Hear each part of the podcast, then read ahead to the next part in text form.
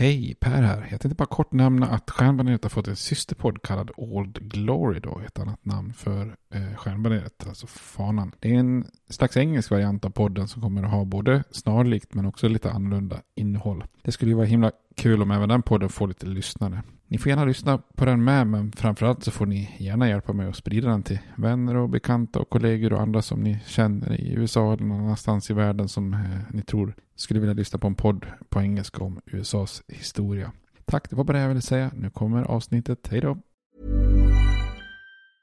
Hey, I'm Ryan Reynolds. Recently, I asked Mint Mobile's legal team if big wireless companies are allowed to raise prices due to inflation. They said yes. And then when I asked if raising prices technically violates those onerous two-year contracts, they said, "What the f*** are you talking about? You insane Hollywood ass."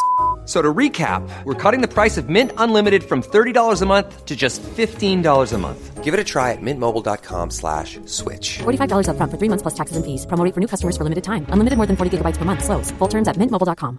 Even on a budget, quality is non-negotiable. That's why Quince is the place to score high-end essentials at 50 to 80% less than similar brands. Get your hands on buttery soft cashmere sweaters from just 60 bucks, Italian leather jackets, and so much more. And the best part about Quince, they exclusively partner with factories committed to safe, ethical, and responsible manufacturing. Elevate your style without the elevated price tag with Quince. Go to quince.com slash upgrade for free shipping and 365-day returns.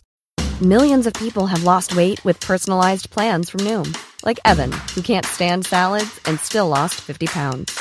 Salads, generally, for most people, are the easy button, right? For me, that wasn't an option. I never really was a salad guy. That's just not who I am. But Noom worked for me. Get your personalized plan today at Noom.com. Real Noom user compensated to provide their story. In four weeks, the typical Noom user can expect to lose one to two pounds per week. Individual results may vary.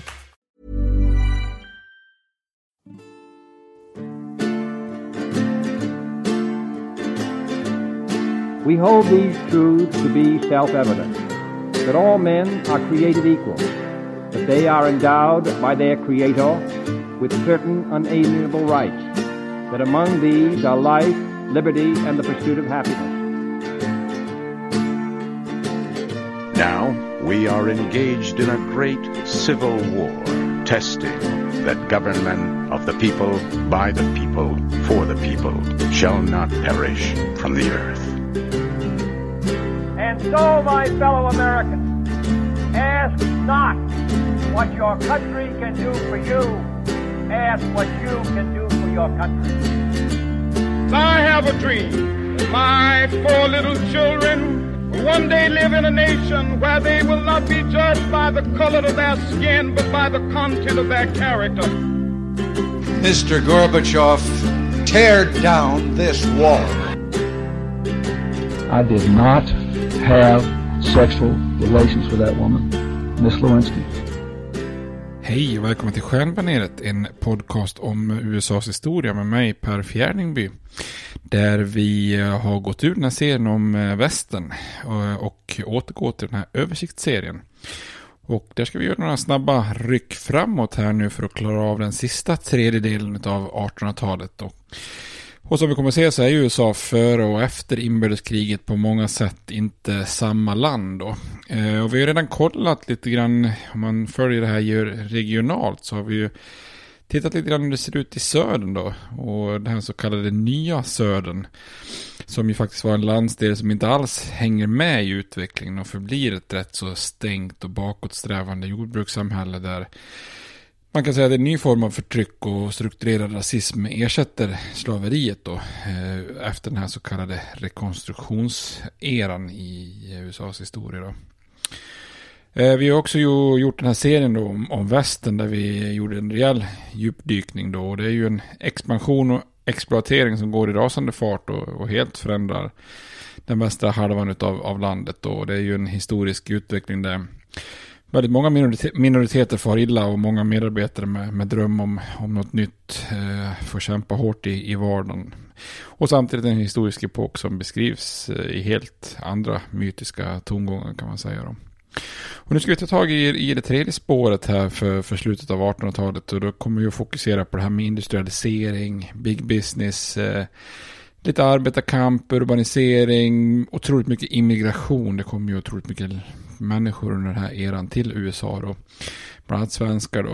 Eh, men också politik då i det man kallar för eh, den förgyllda eran, Gilded Age. Innan vi går in på det då så um, fortsätter vi den här lilla serien med lite ölstilar eh, som jag och Robert började en gång i tiden. Eh, och vi sa förra gången att vi, ni kunde försöka få tag på någon form av irländsk stout, ibland kallad för dry stout eller torr stout. Och, Eh, vi pratade om porter för, för inte så länge sedan då, en mer eller mindre svart öl med, med London som ursprung. Och tittar man på stout så är den kanske mer förknippad med Irland och eh, den ursprungsstilen som ibland kallas då för irländsk stout. Och eh, från början så är ju ordet stout egentligen bara en term för någonting som är kraftigt. Och den började bryggas som, som en stout porter, alltså att man, man en starkare typ av porter då på, på Irland. Eh, sen så förkortar man det då till bara stout. Eh, och den ursprungliga irländska brukar ju kallas då för torr eller dry stout då eftersom den är väldigt torr i smaken jämfört med en porter då, som har lite mer sötma i grunden. Då. Och, eh, och de här mörka rostade tonerna i många öl kommer ju oftast från rostad malt. Men den här irländska stouten är egentligen bryggd mycket mer omältat rostat korn då. Eh, alltså inte en malt. Och det här är egentligen skattemässiga skäl från början då. Du får ju inte ut något socker från kornet om du inte mältar, men eh, du kunde få ut de här rostade smakerna då eh, genom att eh, rosta eh, då korn rätt av. Eh, och det de är inte så dumma irländarna, då kom man då undan en skatt på malt där. Man kunde ändå göra sina eh, brygder eh, mörka och rostade då. Och idag brukar ju många bryggerier använda de här termerna porter och stout lite hur som helst. Lite synonymt eller man sätter en term som man tycker är bäst då så att säga. Men rent smakmässigt ursprungsvis kanske man skulle säga att porten är lite mer söt kanske och stout lite mer torrrostad då så att säga. Men och tittar man ingrediensvis så kanske man ska, eller ingrediensvis kan man säga att en porter är med, eh, med, med rostade malter då medan en stout ska ha en hel del då rostat omältat korn då. Idag är ju stout oerhört förknippat just med Guinness eh, då från Dublin, Irland. Så att eh, här finns ju en lång tradition. Och de, de bästa sådana klassiska exempel det är helt enkelt att få tag på en Guinness. Alternativt att få tag på en Murphys eller en Beamish som är ja, rätt, så, rätt så snarlika Guinness då. Så det är en, det är en härlig öltyp. Uh, eh, ska inte serveras för kall. Ibland serveras den med så extra cold. Det är lite dumt. Och ibland upplever, upplever man den som väldigt kraftiga. Liksom, eftersom man också använder kväve. Eh, kvävepatroner och liknande för att göra den sådär lite härligt krämig så att säga. Och ibland säger folk att då, då orkar man inte dricka så många. Jag, jag ser inte riktigt det problemet. I nästa avsnitt tänkte jag att vi skulle kolla på en variant av den här stouten då som heter Oatmeal Stout. Och då får man, kan man försöka få tag på någon sån här Samuel Smith Oatmeal Stout eller Anderson Wallis Barney Flats Oatmeal Stout eller Founders Breakfast Stout. Eh, eller kanske någon svensk Jämtlands Oatmeal Porter eller Poppels projekt 8 Double Oatmeal Stout. Men någon, någon typ av stout som har tilltalsnamnet Oatmeal får ni försöka få tag på.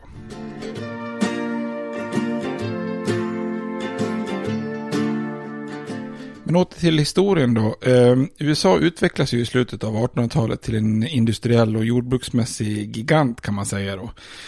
Eh, tittar man bara mellan åren 1869 till 1899, alltså en 30-årsperiod, så, så fördubblas produktionen i jordbruket. Eh, befolkningen tredubblas eh, och den industriella produktionen sexdubblas. Det är alltså en enorm utveckling i USA under den här perioden. Då.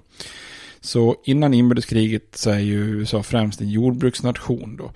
Men på bara tre generationer efter inbördeskriget så blir USA en, värld, en, en världens ledande industrination då. Eh, och det uppstår mycket stora företag då, så kallad big business som blir oerhört inflytelserika och i sin tur då skapar stora sociala spänningar och, och lite politisk eh, korruption då. Och det här är ju liksom, det är stora företag, alltså enormt stora. Det är ju större än vad som någonsin funnits tidigare här. Och det är ju ägare som då försöker liksom använda medel för att bli stora. Så att man försöker dels integrera alla produktionsprocesser och, distributionsled i ett och samma företag då, alltså så, så kallad vertikal, vertikal integrering. Samtidigt som du också försöker eh, liksom växa genom att konkurrera ut konkurrenter och sen köpa upp dem så att de börjar dominera hela branscher då för att sätta villkor. Det brukar kallas då för horisontell integrering. Alltså att man försöker att växa, liksom, skulle man säga, både i, i höjdled och eh, i, i sidled. Um, och det är många faktorer som bidrar efter inbördeskriget till den här utvecklingen. En är att USA då har enorma naturresurser då, alltså prata skog, mineraler och sånt där. En annan är ju den ökande befolkningen, alltså arbetare fanns att tillgå. Eh, dels, dels föds det ju mycket, men det är ju också en enorm immigration som vi kommer att prata om här om några avsnitt. Liksom, alla, alla de här som kommer eh, via Ellis Island då, och, och blir nya amerikaner. Då. Eh, en annan faktor är också att det här är en era full av uppfinningar och tekniska framsteg. Då. Man gör en jäkla massa arbetsbesparande uppfinningar som kommer på löpande band, alltså symaskiner och liknande. Då. Så företagen blir oerhört mycket mer effektiva med mer output av, av varor. Då. I takt med att de här stora företagen växer i storlek eh, och börjar sprida sig geografiskt i många delstater så då uppstår också ett behov av att kunna standardisera så att delar och maskiner går att byta ut på olika ställen. Så det är också en sån här sak som Eh, som inte kanske har funnits tidigare som, som dyker upp och som, som gör stor skillnad. Då. Eh, det dyker också upp vid den här tiden då ett antal entreprenörer och ledare som tänker lite grann i andra banor då, både på, på gott och ont, gott och ont ska vi se då.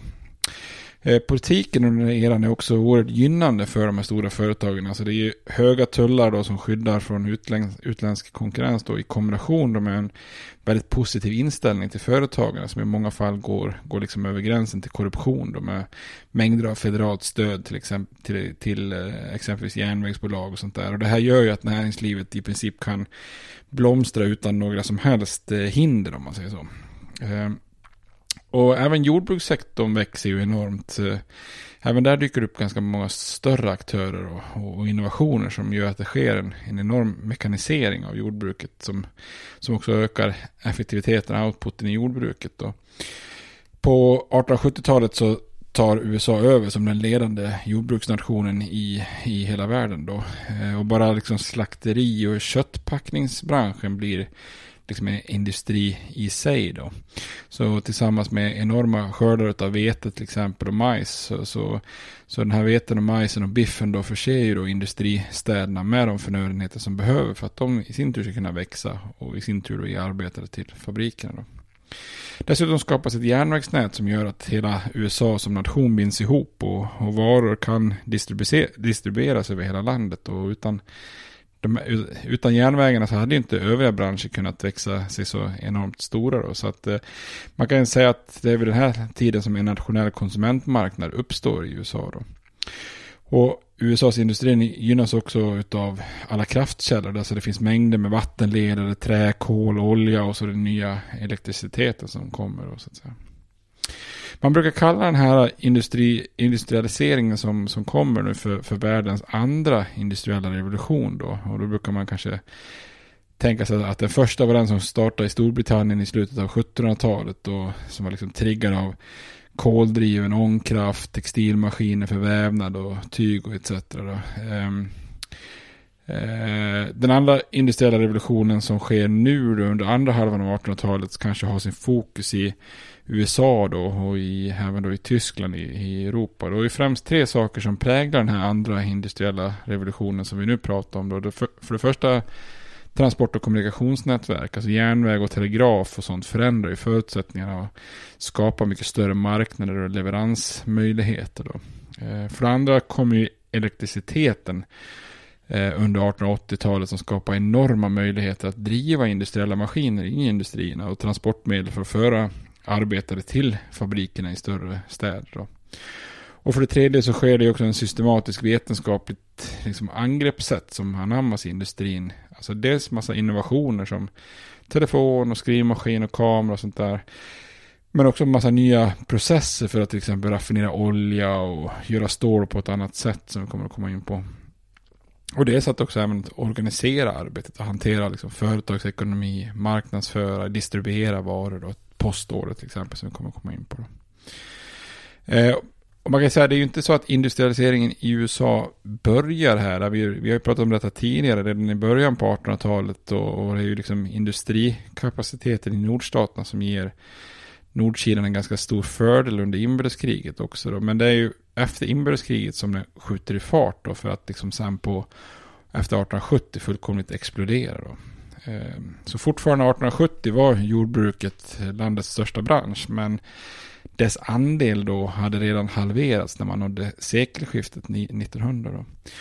Fram till inbördeskriget så importerar landet mer än man exporterar. Men vid sekelskiftet så exporterar man varor till övriga världen för, för, för, för mer än man importerar. Då, för hela 600 miljoner dollar.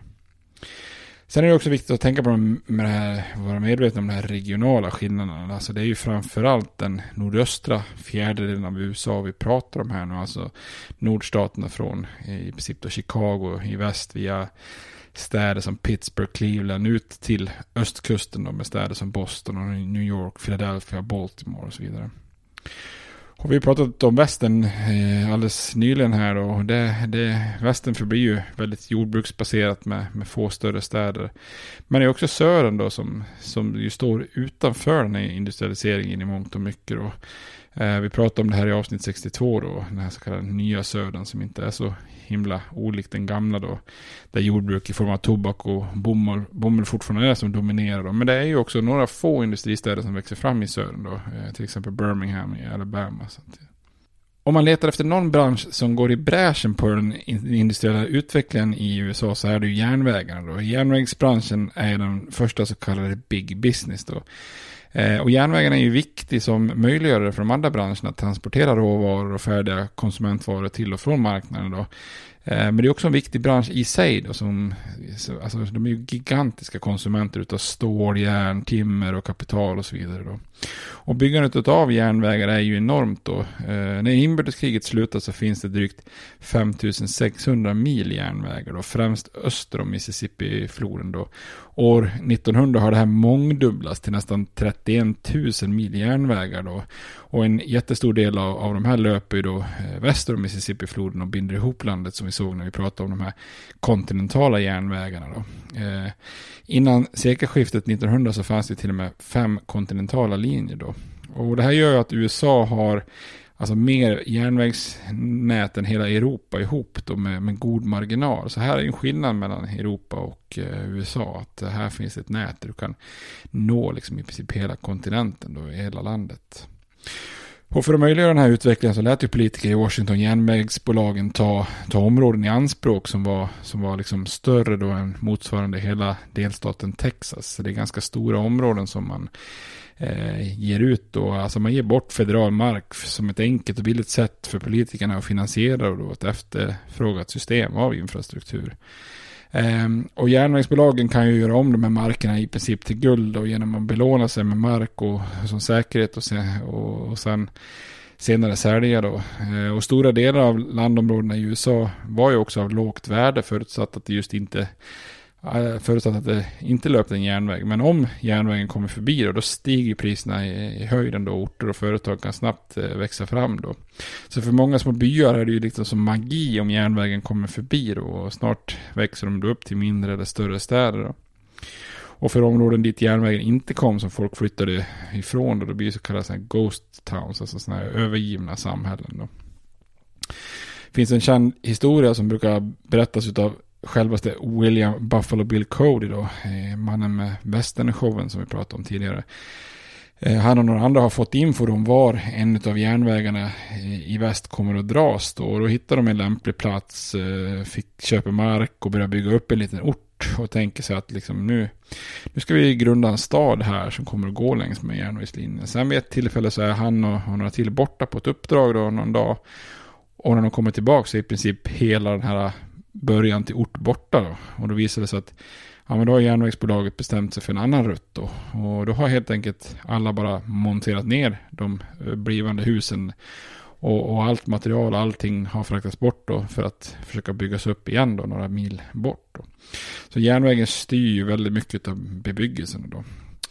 Och det är inte konstigt då att investeringar som bygger på markrättigheter och bidrag från politiker då, eh, giriga järnvägsföretag som gärna tog mutor och desperata orter som behöver järnvägen och gärna ger mutor. Alltså det här skapar ju en situation där det finns en hel del eh, både tänkbart och, och faktisk eh, korruption då. Och tack vare alla de här tveksamheter som, som cheferna för järnvägsbolagen ägnar sig åt då, i form av påverkan och mutor och sånt där. Det gör ju då att man får smeknamnet Robber Barons, alltså rånarbaroner. Eh, det blir liksom som en, en titel som sen då sprider sig till övriga industrier. Så när man pratar om om äh, rånarbaroner så, så menar man då någon form av industriledare som, som ägnar sig åt kanske lite tveksamheter. Då. Och många av de här rånarbaronerna var ju väldigt smarta och ambitiösa män, men, men ofta så kanske de heller inte tvekade eller blinkade om, om deras framfört krävde lite mer ohederliga eller omoraliska beteenden. Då. Och vi pratade redan när vi pratade om Ulysses Grants presidentperiod så nämnde vi en skandal eh, inom branschen då med bolaget Kredit Mobilier. Eh, och enligt en utredning i kongressen hade ju det här företaget mutat kongressledamöter och även debiterat en järn, Union Pacific järnvägen 94 miljoner dollar för ett projekt som egentligen bara hade kostat 44 miljoner dollar. Så här finns ju liksom många tveksamheter. Eh, en av de absolut kändaste männen då, eller vad man kallar dem för rånarbaroner, inom järnvägsindustrin var en, en man som hette Jay Gould. Och hans specialitet var ju att köpa liksom värdelösa eller nedlagda järnvägslinjer, eh, göra lite kosmetiska förbättringar och sen försöka sälja med vinst. Då. Och det här samtidigt som han då använde företagets pengar för personliga investeringar och för att muta politiker och domare. Då. Och nästan alla företag han involverade sig i, sig i då gick ju dåligt eller i konkurs då.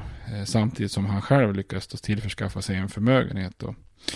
Eh, så att det här är en klassisk eh, rånarbaron då kan man säga. Alla chefer inom järnvägsindustrin var ju naturligtvis inte så ohedliga som Gold. Men, men många behövde ta till ohedliga metoder för att helt enkelt överleva i branschen då. En annan känd sån här eh, järnvägsindustriperson var ju Cornelius, Cornelius Vanderbilt, eh, kallad Commodore, kommendör Vanderbilt, eftersom han tidigare innan han gav sig in i järnvägsbranschen hade stora framgångar inom ångfartsbranschen då. Och han var en av de första som började konsolidera sitt företag, alltså ägna sig åt att köpa upp andra järnvägsbolag för att bli en stor aktör då. Det vi, man kallar för horisontell integrering då. Och genom att köpa vissa nyckelsträckor så försökte han skaffa sig liksom ett slags geografiskt monopol där han kan börja slå ut andra och debitera högt på de linjerna där det inte finns något alternativ. Då. Och just den här konsolideringen då var ju en väldigt tydlig trend. Då. Vid, vid sekelskiftet 1900 så ägde sju stora bolag med mer än två tredjedelar av nationens järnvägsnät. Så det inser man att det här enorma järnvägsnätet har hamnat i händerna på några, några få aktörer. Då.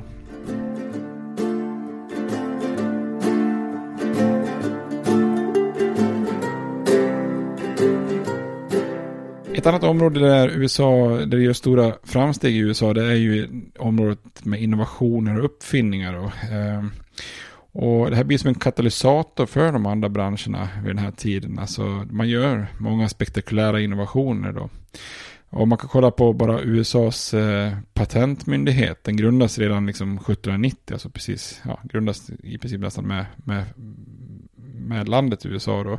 Och första decenniet där, sista på, på 1700-talet, så registreras 276 stycken patent.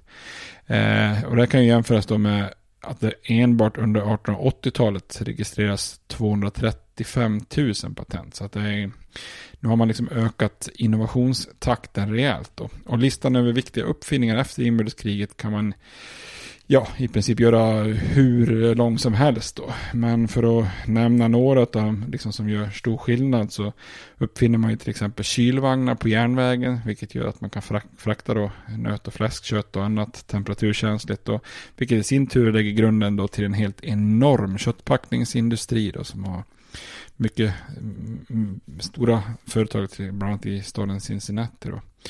Eh, man uppfinner ju en rad mekaniska maskiner för, för jordbruket då, bland annat för att skörda och krossa vete och sånt där som revolutionerar spannmålsindustrin då. Och vi pratar ju om i västern då det här med taggtråden som ju faktiskt omvandlar hela västern. Du helt plötsligt kan stänga in eh, dina boskap på ett eh, avgränsat område eller skydda din, din skörd med, med taggtråd liksom på, i en region där det inte finns något trä att bygga staket av så att säga. Eh, lite andra uppfinningar man kan nämna är ju tryckluftsbromsar för tåg, vilket är en stor, stor sak inom tågindustrin då. Man uppfinner ångturbiner, skrivmaskin, dammsugare och så vidare då. Och två områden kanske sticker ut eh, rejält då kring innovationen. Det är ju kommunikation. Eh, där sker ju eh, saker som alltså, drivs av elektricitet. Som, som ju förbättrar kommunikationen då. Och det är ju få saker som är så innovativa som telefonen då. Som Alexander Graham Bell tar patent på 1876 då. När han bildar Bell Telephone Company. Eh, 1892 så ringer Bell också det första så kallade, eh, ja, vad heter ju long distance call, fast den heter det eh, på svenska. Det blir väl, eh, vad hette det för? Man ringde riks ja, alltså man ringer riktnummer och så vidare. Eh, det här var dyrt när jag var liten. Där får man, ni som är yngre lyssnare, ni får eh, fråga era föräldrar. Men det var inte så bara att ringa ett eh, rikssamtal. Man fick hålla, det, hålla telefonpratandet lokalt. Då. Men 1892 så ringer i alla fall Alexander Graham Bell det första så här long distance samtalet mellan New York och Chicago då med en jättestor publik med, med kändisar som står och tittar på då så att säga. Eh, inom elektriciteten så tar ju Thomas Alva Edison fram glödlampan 1879 då. Och han uppfinner ju en himla många andra saker också då med, med ja, just nu står det still vilka det eh, han, han är en sån som är igång med hur många som helst då. Eh, och innan 1880 så har det alltid, allt ljus alltid kommit från sådana här flimrande olje eller gaslampor så att säga. Eh, men nu kan ju arbetsplatser och annat lysas upp mer ordentligt. Då. Eh, så att nu, det här är ju en, revolution inom, inom liksom fabriker och industri. Att man kan ha kontinuerligt bra eh, ljus då i fabriken. En brist med Edisons system var att han använde likström och att få fabrikerna Alltså det krävde att fabrikerna då behövde vara ganska nära kraftkällan då. Men George Westinghouse, samma man som jag tror uppfann tryckluftsbromsen inom järnvägen då. Han menade ju att man istället skulle använda växelström då istället för likström. Och, och hög voltspänning som kunde dras över längre områden då. Medan Edison eh, han ansåg det här var för farligt då. Men det här brukar ibland kallas så dramatiskt som the battle of the currents. Eh, och där får till slut Edison ge sig då. Eh, Westinghouse spann ju vidare på, på, egentligen på idéer från Nikola Tesla då med växelströmsmotor. Och efter allt det här då, då kunde man ju också då placera industrier i princip nästan var som helst då. Och så kan man då förses med ström över långa, långa distanser då. Långt bort från den egentliga liksom, eh, kraftkällan. Så att, då har man ju helt plötsligt öppnat upp för att få kraft och ljus till fabrikerna var, var man än liksom slår sig ner då. Eh, två andra viktiga uppfinningar var ju eh, nya processer också för att processa olja och stål. Då. Och det här kan vi kika på lite närmare när vi pratar om de här branscherna. Då. En sån här bransch som eh, är väldigt känd från den här tiden det är ju oljeindustrin då. Och eh, den här oljebranschen är ju för alltid förknippad eh, i USA med John D. Rockefeller. Ehm, och Rockefeller han föddes ju i New York men familjen flyttade till Cleveland, Ohio. Ehm, pappan övergav dem och startade en ny familj med en andra fru. Ehm, och tidigt så visste ju, visade Rockefeller stort sinne, eller nästan besatthet kan man säga, av precision och ordning och, och reda så att säga. Och Eh, han växer då från den här lite tuffa situationen eh, med pappan som överger familjen och så vidare. Så så tar han sig in då med just den här sinnets förordning och reda och sådär så tar han tag i en ganska kaotisk bransch att bringa ordning i då. Oljebranschen som, som dessutom befann sig geografiskt nära då. För de första oljekällorna som han hittade i USA låg nämligen i västra Pennsylvania av alla ställen då. Eh, och först visste man ju knappt vad man skulle ha olja till då, eh, när det hittades på 1850-talet. Men man, man lär sig att raffinera den till fotogen som kunde användas i lampor och eh, värme och som värmekälla för matlagning och sånt där då. Så olja blir ju snart en ekonomisk liksom boom då centrerad till Pittsburgh, Pennsylvania och Cleveland, Ohio. Och eftersom Cleveland då, alltså som egentligen fungerar som köttpackningsindustrins mecka, hade bättre transporter så valde Rockefeller att eh, lite strategiskt koncentrera sin inledande insats där då i, i staden som han bodde i. Eh, eh Rockefeller startade då företaget Standard Oil, har ni säkert hört talas om då, som eh, börjar att raffinera olja då. Och även om Rockefeller snabbt blir den absolut största aktören så ville han liksom försöka kontrollera hela branschen då. Och det här gjorde han genom en klassisk manöver då, där han såg till att marknaden översköljdes med, med utbud så att priset rasar. Eh, själv var han då beredd att ta den här förlusten men konkurrenterna blödde ju svårt då och tvingades då sälja en efter en till Rockefeller då. Så på bara sex veckor så har han tagit över 22 av 26 konkurrenter och 1879 så kontrollerar eh, Rockefellers eh, Standard Oil någonstans där brukar vara så här gissningsvis 90-95% av hela oljemarknaden då. Eh, det är ju klassisk liksom, horisontell integrering. Då. Eh, en annan sak som, som gjorde Rockefeller framgångsrik var också hans besatthet av att aldrig så att säga han, han säger det, pay nobody profit. Alltså alla typer av serviceföretag eller mellanhänder köptes upp då. Eh, och Standard Oil började försöka kontrollera saker som tillverkning av tunnor, burkar, eh, ägde alla sina lager, alla sina kontor, eh, såg till att både äga och kontrollera transportmedel och pipelines och så vidare. Och det här är ju återigen då vertikal integrering i sitt, i sitt nötskal då.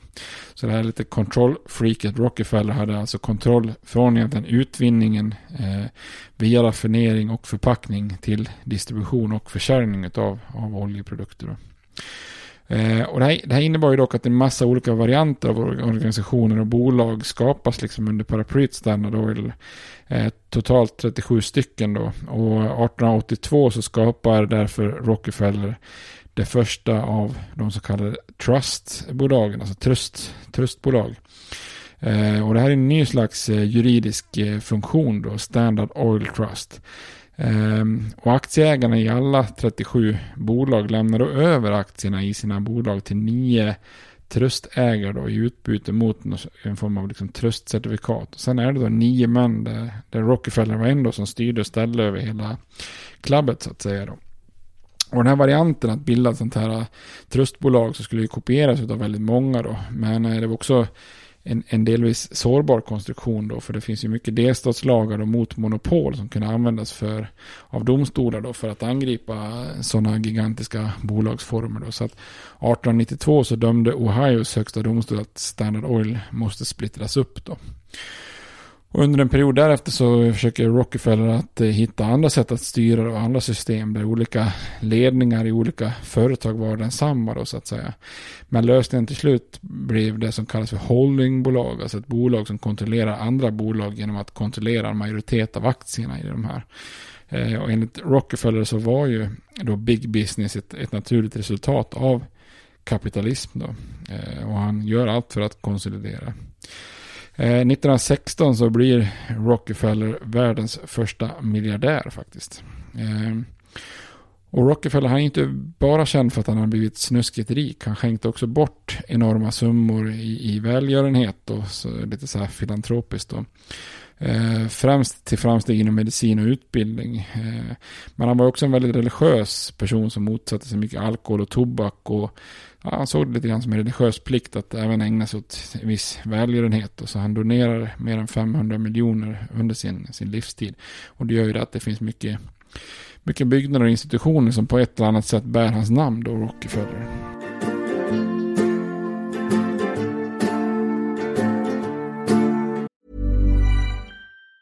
Hey, it's Danny Pellegrino from Everything Iconic.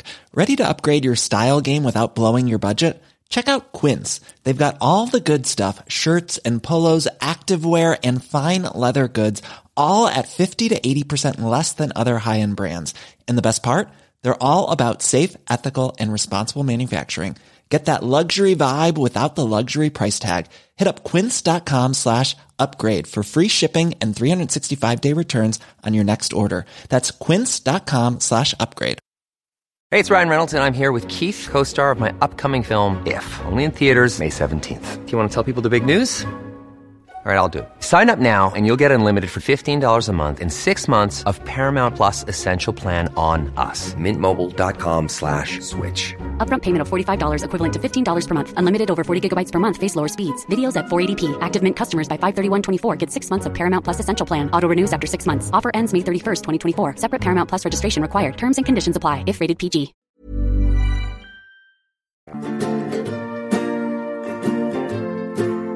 Men om Rockefeller är förknippad med oljeindustrin så kan man säga att stålindustrin är lika hårt förknippad med Andrew Carnegie. Ehm, även Carnegie kom från relativt enkla förhållanden men skulle bli snuskigt rik då. Han är född i Skottland men eh, familjen immigrerade till Pennsylvania då. Och som pojke så jobbade han i en textilfabrik. Eh, men han hade då den stora turen att bli sekreterare till Thomas Scott som jobbar inom järnvägsbranschen. Och när Scott blev assisterande krigsminister under inbördeskriget så tog Carnegie över branschen. Eller eh, tog han över jobbet så att säga. Och efter att ha jobbat inom olika branscher så började Carnegie att eh, fokusera på stålbranschen då. Eh, och innan inbördeskriget så är det en relativt eh, liten bransch kan man säga. Eh, att producera stål var ganska dyrt och, och, kunde enbart göras liksom från smidesjärn då.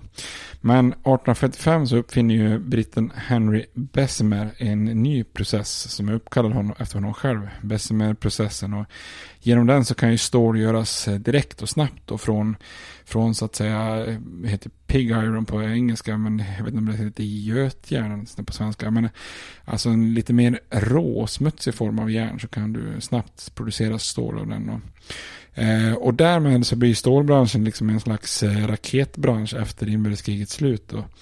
eh, inte för att den är ny då, utan, att för helt, eh, utan för att den helt plötsligt var, att det var sjukt billigt att producera stål i stora kvantiteter och till stor kvalitet. Då. Och i takt med att den här kvantiteten ökar så, så sänktes ju priset då. Eh, och det blev all, allmänt använt mer då. Så att 1860 hade man i USA producerat 13 000 ton. Eh, bara 20 år senare, 1880, så producerades 1,4 miljoner ton stål då. Och Carnegie själv, han var egentligen ingen direkt expert på stål på något sätt. Men han kunde organisering och, och marknad och sälj då. Samtidigt som han var bra på att anställa rätt personer då. Eh, och han var ju väldigt noggrann med att företaget hade rätt maskiner och utrustning. Och köpte på ett eh, smart sätt eh, liksom upp då eh, kämpande konkurrenter billigt i, i tider av, av ekonomisk eh, nedgång då. Eh, och tillsammans med sin partner Henry Clay Frick så byggde Carnegie upp ett imperium då. 1873 så öppnade hans eh, stålverk i Pittsburgh upp och, och även de ägnade sig åt en hel, en hel del av den här vertikal integrering genom att köpa upp då kolgruv och järnväg, eh, äga båtar som fraktar stål på de stora sjöarna och så vidare. Och 1878 så vinner han det lukrativa kontraktet att leverera stål till byggandet av Brooklyn Bridge som är ett, eh, kanske tidens största eh, projekt. Då. Eh, och till slut så dominerar Carnegies företag marknaden och är det största industriföretaget i, i världen. Då. 1901 så bestämmer sig Carnegie för att sälja företaget till eh, finansmannen JP Morgan då för hisnande 450 miljoner dollar. Och det sägs lite som en skröna då att eh, Morgan ställer, gjorde en förfrågan på pris då för att få köpa då. Och i ett senare tillfälle när Carnegie har funderat lite så lämnar han en handskriven lapp till Morgan en dag på golfbanan. Och Morgan tar en snabb blick bara på lappen och så säger han bara I accept this price. Alltså 450 miljoner dollar. Eh, tillsammans med Andra investeringar kunde ju då den här Morgan eh, slå ihop Carnegies bolag med, med 200 andra då och bilda det helt gigantiska United States Steel Corporation som är då ett eh, 1,4 miljarders företag, alltså första miljardföretaget. Och det kontrollerar då två tredjedelar av hela stålindustrin, alltså sysselsatte 168 000 eh, anställda. Så att man ser ju här liksom att det här, det här med att, att kalla det för big business är, är ju verkligen en, ett passande begrepp för, för den här tiden och för de här företagen. Eh, när Andrew Carnegie är 65 år så drar ju han sig då tillbaka med en eh, enorm förmögenhet och bland annat efter, efter den här försäljningen då. Och även han gick i det här filantropiska spåret och ägnade sig åt eh, välgörenhet. Eh, han kallar det själv för välfärdsfördelning då. Eh, vilket på sätt och vis gör att man också börjar förstå vidden av pengarna då. Man kanske, välfärdsfördelning kanske man normalt sett förknippar med stater och inte med, med personer då. Men har man så mycket pengar som honom då i ett samhälle som inte har någon, någon välfärdssystem så då är det klart att då, då kan man ju göra skillnad då. Och hans pengar går ju till Eh, massvis med universitet och han bygger 1700 bibliotek och mängder med parker och mötesplatser och konserthus, badhus, kyrkor och så vidare. Och det är ju en anledning till att det överallt finns byggnader och grejer och, och så som på något sätt bär namnet Carnegie. Eh, så att eh, ser ni någonting när ni är i USA som, som heter Carnegie så kan det ju vara att själva starten eller på något sätt att det har någon finansiering med, med den gode Arndro att göra då. Det finns ju också andra branscher som man kan väl värt att nämna. Då. Bland annat finanssektorn då. Eh, och där, finanssektorn har ju sin frontfigur i John Pierpont Morgan. Då, oftast kallad då bara utifrån sina initialer JP Morgan. Då, han som köpte eh, Carnegie Store-företag. Då. Eh, och, och, när det gäller Morgan så handlar det inte om någon slags eh, klassresa. Då. Han föds in i en jätterik familj med en pappa som är partner i en stor Londonbank. Då går i fina skolor i Europa och går i pappans fotspår. Då. Strax innan inbördeskriget så skickar, skickas han av pappan över till New York då för att representera företaget där. Och 1860 så startar han sin egen firma. Då. Eh, och han kanaliserar mycket kapital från Europa för att investera i USA. Då. Eh, så det är liksom investeringsbankir kan man säga. Köper aktier och värdepapper och säljer med, med vinst. Då. Hans bolag växer i takt med att andra branscher växer och behöver kapital. Då. Och till slut är han en så stor aktör att han ger sig in då i andra branscher och inser att till exempel järnvägar är viktiga och börjar köpa upp och omorganisera. Och på 1890-talet äger hans företag en sjättedel av alla landets eh, järnvägar. Då. Men hans största triumf är kanske just det här att konsolidera nästan hela stålindustrin i den här US Steel Corporation. När han köper från Carnegie och en massa andra aktörer. Då. Sen finns det ju mycket, mycket annat. Man kan ju nämna väldigt många framgångsfaktorer och branscher för att, för att ge en bild av hur USA växer sig ekonomiskt i den här tiden. Då. Det finns ju andra framgångsrika affärsmän. Man kan ju nämna till exempel Gustavus Swift som, eh, som från ett litet företag eh, grundade ett slags imperium inom det här slakt och köttpaketeringsindustrin. Då. Hans eh, företag Swift Company fanns i, i, i de flesta större städer då, genom att köpa upp konkurrenter. Då, konsolidera sitt företag i en enda stor liksom, kötttrust så, så fick han ju också domstolarna efter sig då. Eh, och typiskt för sin tid så motarbetar han ju också facket också och det blir mycket konflikter då. Och det, som vi kommer att komma till senare så är det fram, framförallt Swifts företags kötthantering som leder till kritiken som kommer med bland annat en eh, Upton Sinclairs bok The Jungle där man sker ett slags uppvaknande om hur kött hanteras och används i produkter som är rent eh, hälsovårdligt. Då. En annan framgångsrik, framgångsrik verksamhet som ändrar konsumentmönster är också postorder. Eh, när det uppstår en nationell marknad så behöver man tänka om då. Just försäljning och marknadsföring är ett sånt här område som det sker mycket innovationer i. Eh, när det gäller arbetssätt under den här tiden då. En av de första är en herre som heter Aaron Ward som efter inbördeskriget var rundresande försäljare och han inser att eh, han borde kunna nå betydligt fler kunder via posten att eh, liksom knacka dörr då. Eh, dessutom skulle han ju kunna kapa lite mellanhänder och led då i sin service om man börjar med, med, det, här, med det här sättet. Då. Och i början av 1870-talet så började, han sälja, började hans företag sälja via postorder då, med hjälp av kataloger. Och då kan han då ha 40% rabatt på sina varor då. Men de män som sen då verkligen vidareutvecklade det här det är ju Richard Sears och Alvar Roebuck som i slutet på på 1800-talet började dominera då postorderbranschen då. Och den här Sears-katalogen eh, när den är som störst då har ju hela 786 sidor lång då. Och i den här katalogen så kan man beställa det mesta då. Det är liksom årets happening på många ställen när, när den nya Sears-katalogen kommer. Och oftast då kan man ju göra, hålla då lägre pris än lokala småbutiker. Och deras företag, företag bidrar ju bokstavligt talat till en nationell marknad där man liksom kunde då, ja, beställa och få tag på det mesta då ute på små gårdar och byar på landsbygden. Då.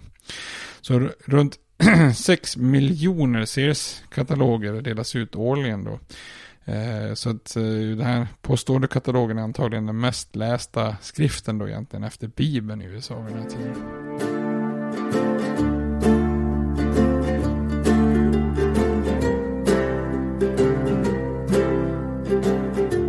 Men många av de här affärsmännen då, eh, rånarbaronerna kallade av vissa då, eller industrititaner eller industrimagnater, är också ord man kan använda för dem då.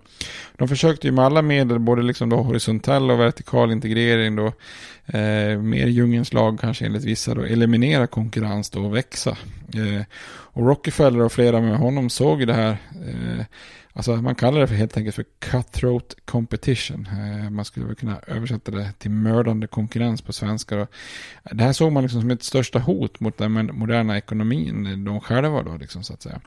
Eh, så att de sa, utåt säger de här rånarbroderna att de har en tro på kapitalism och fri marknad och så vidare. Men i all praktik och i allt de gjorde var ju att man snarare försökte eliminera konkurrens och skapa liksom mer monopolsituationer då. Eh, I slutet av 1800-talet kunde, kunde runt 1% av företagen kontrollera 33% av all industri då.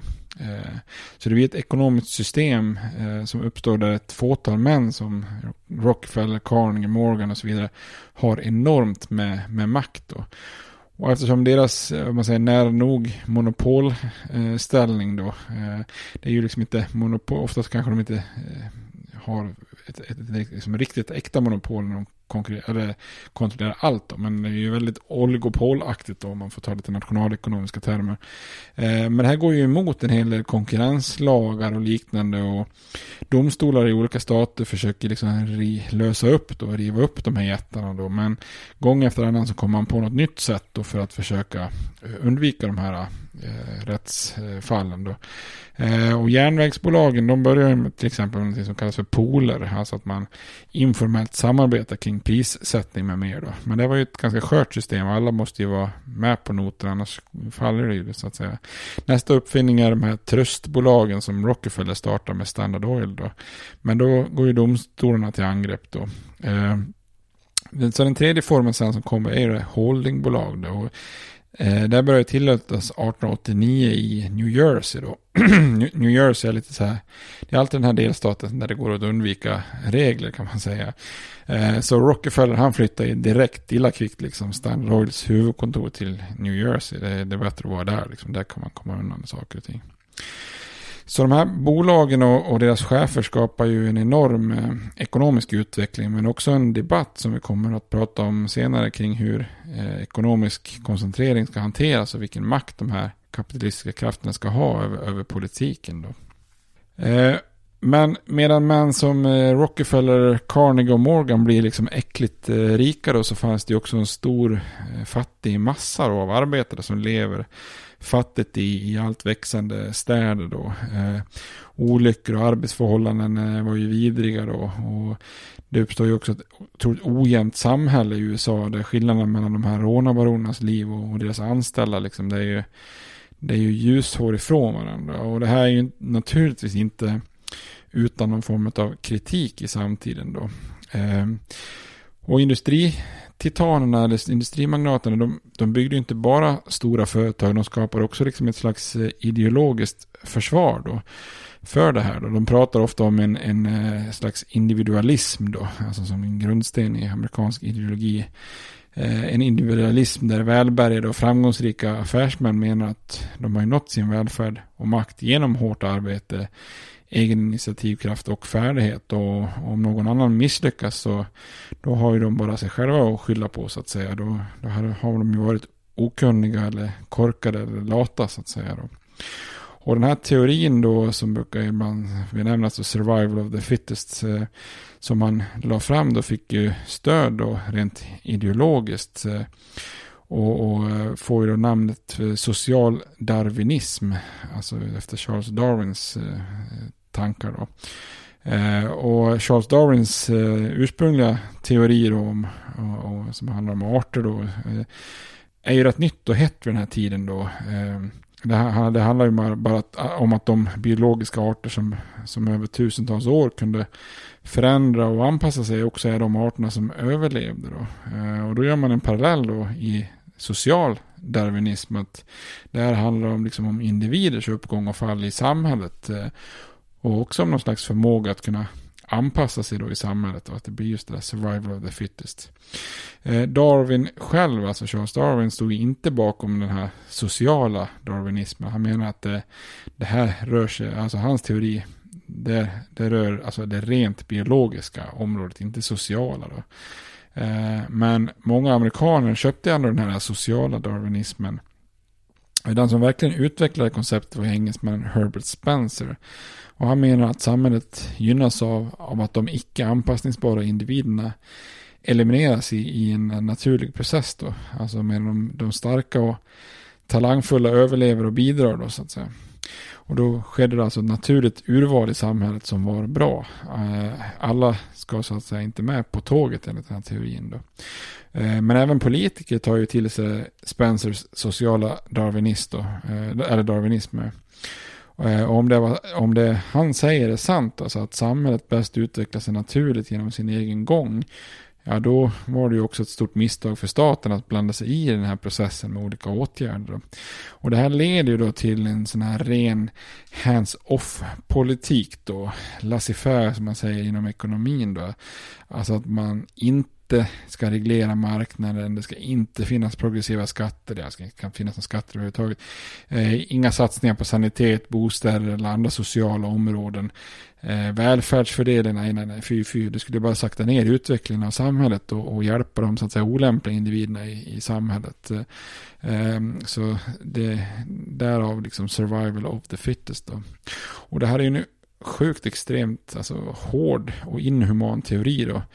Men för många av de här industrititanerna så var ju det här teorier som på något vis liksom bekräftar deras egen självbild. Alltså, de är framgångsrika, de är talangfulla, de är anpassningsbara. Eh, vi, vi har vår egen framgång att, eh, att hylla liksom, samtidigt som det går att ge argument. Att jag behöver heller inte ta på mig ansvar för att förbättra arbetares lön och förhållanden och säkerhet. Utan utan eh, anledningen till att de inte har det så bra det är ju för att de inte har riktigt kunnat anpassa sig så att säga. Vissa försöker mildra den här lite mer rena formen av social darwinism då. Eh, och en av dem är, är Andrew Carnegie då. Eh, och han och några till, deras ideologi kallas ibland för Gospel of Wealth.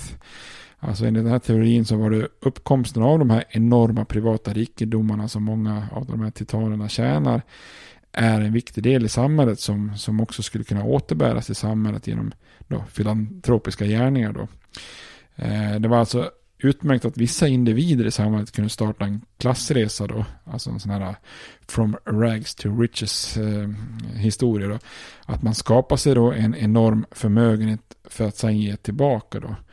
Ehm, och det här ger ju i vissa fall upp, uppåt till den klassiska könsfördelningen. Att männen tjänar ihop pengarna medan rika fruar ska ägna sig åt välgörenhet. Då. Ehm, så enligt Carnegie var det alltså hårda metoder och styrning av, av företaget gentemot eh, arbetare. Som, det var liksom motiverat enligt honom då för att samhället i stort kunde ändå tjäna på, på hans egna rikedomar som han då sen kunde ge tillbaks då. Och enligt han var distansen då mellan miljonärerna och den fattiga massan bara ett tecken på hur långt samhället hade kommit. Eh, så det, är lite anmärkningsvärt. Eh, ett citat som man har här då. Eh, Not evil but good has come to the race from the accumulation of wealth by those who have the ability and energy that produces it. och grundtänkandet i det här var försvaret var ju också att man kunde försvara de här stora företagen och deras konsolidering och koncentrering då på marknaderna mot monopolställning. Då. Om, mindre företags, om mindre företag slås ut av de stora liksom, eh, och det blir en mer monopolsituation så menar man att det är också en naturlig process där de, där de bäst lämpade företagen överlever. Så att den här liksom, ideologin genomsyrar ju både deras sätt eh, att se på människor på ett väldigt eh, cyniskt, eh, hemskt och inhumant sätt. Men också att försöka liksom då eh, försvara både sin egna, egna rikedom, sin egna framgång och sina e-, egna företags framfart. Både mot konkurrenter och mot arbetare. Då. Eh, det kommer ju såklart alternativa ideologer som kritik mot socialdarwinismen och den mest kända är kanske reformdarwinismen eller dynamisk darwinism. Det finns lite olika namn. Och den främsta talemannen för det var ju Lester Frank Ward, då, en eh, sociolog och filosof och statligt anställd i Washington som, som också kämpas upp från, från fattiga förhållanden. Och Ward menar att Herbert Spencer, han har ju missat att, att människor då, till skillnad från djur som Darwin hade studerat faktiskt har hjärnor. Eh, ett samhälle formas därför inte bara av någon slags naturligt process och urval utan också människors intelligens och medmänsklighet kan forma samhället. Då. Eh, så istället för att människor ska vara någon slags hjälplösa offer för någon form av evolution då, så kan ju människor med hjälp av tankar och planer och hur man agerar så kan vi forma samhället. Då. Eh, så Wards progressiva reform-darwinism menar ju då att samarbetet mellan olika människor kan ju naturligtvis forma samhället och inte som den här konservativa sociala darwinismen att det bara, bara ska bygga på konkurrens och att den starka överlever. Så istället för att inte lägga sig i så skulle ju staten faktiskt lägga sig i genom att, att jobba mot eh, två mål tyckte hon, tycker han då. Eh, dels att eliminera fattigdom men också att uppmuntra utbildning då. Så enligt eh, Ward så är ju aktiv samhällsplanering eh, liksom samhällets största hopp då. Så att eh, här finns det då två teorier som står lite emot varandra. Då. En annan form av kritik kommer från människor som visserligen köpte kanske tankarna om social darwinism och rent Eh, och rent allmänt liksom sällan ifrågasatte kapitalism och företagande. Men som eh, är bekymrade över det här med monopol och ekonomisk koncentration. Då. Och ju närmare vi sekelskiftet 1900 vi kommer desto mer bekymrade blir ju många av den här monopolställningen som vissa stora företag får. Då eh, i vissa branscher där de helt liksom dikterar pris och villkor. Då. Eh, järnvägen är ju en sån bransch där biljetterna på på icke konkurrenssatta linjer blir sky, skyhöga då, eh, och, och, och sen lägre då på konkurrensutsatta. Då. Och det här kommer vi att komma tillbaka till när vi pratar politik. Men 1890 kom ju bland annat Shermans Antitrust Act. Och en lag som ska försöka hindra osund handel och, och monopol. Uppkallad efter John Sherman som är bror till generalen William Sherman. Då den blir inte så, så framgångsrik men den lägger grunden till ett visst tänk som sen i början på 1900-talet gör att man ändå försöker hindra den här typen av, av eh, monopol. Då.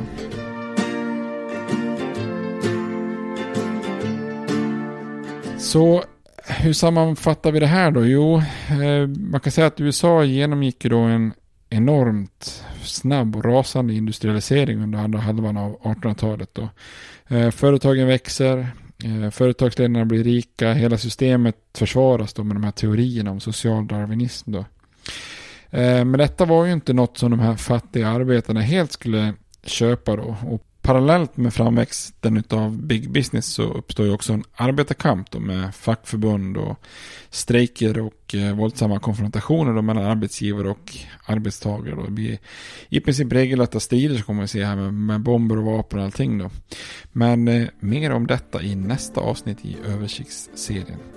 Tills dess får ni ha det bra. Ha det gott, hej då! States like these and their terrorist allies constitute an axis of evil. And if the hippies and the yippies and the disruptors of the systems that Washington and Lincoln as presidents brought forth in this country will shut up and work within our free system of government, I will lower my voice. If the impeachment provision in the Constitution of the United States will not reach the offenses charged here, then perhaps that 18th century Constitution should be abandoned to a 20th century paper shredder. Therefore, I shall resign the presidency effective at noon tomorrow.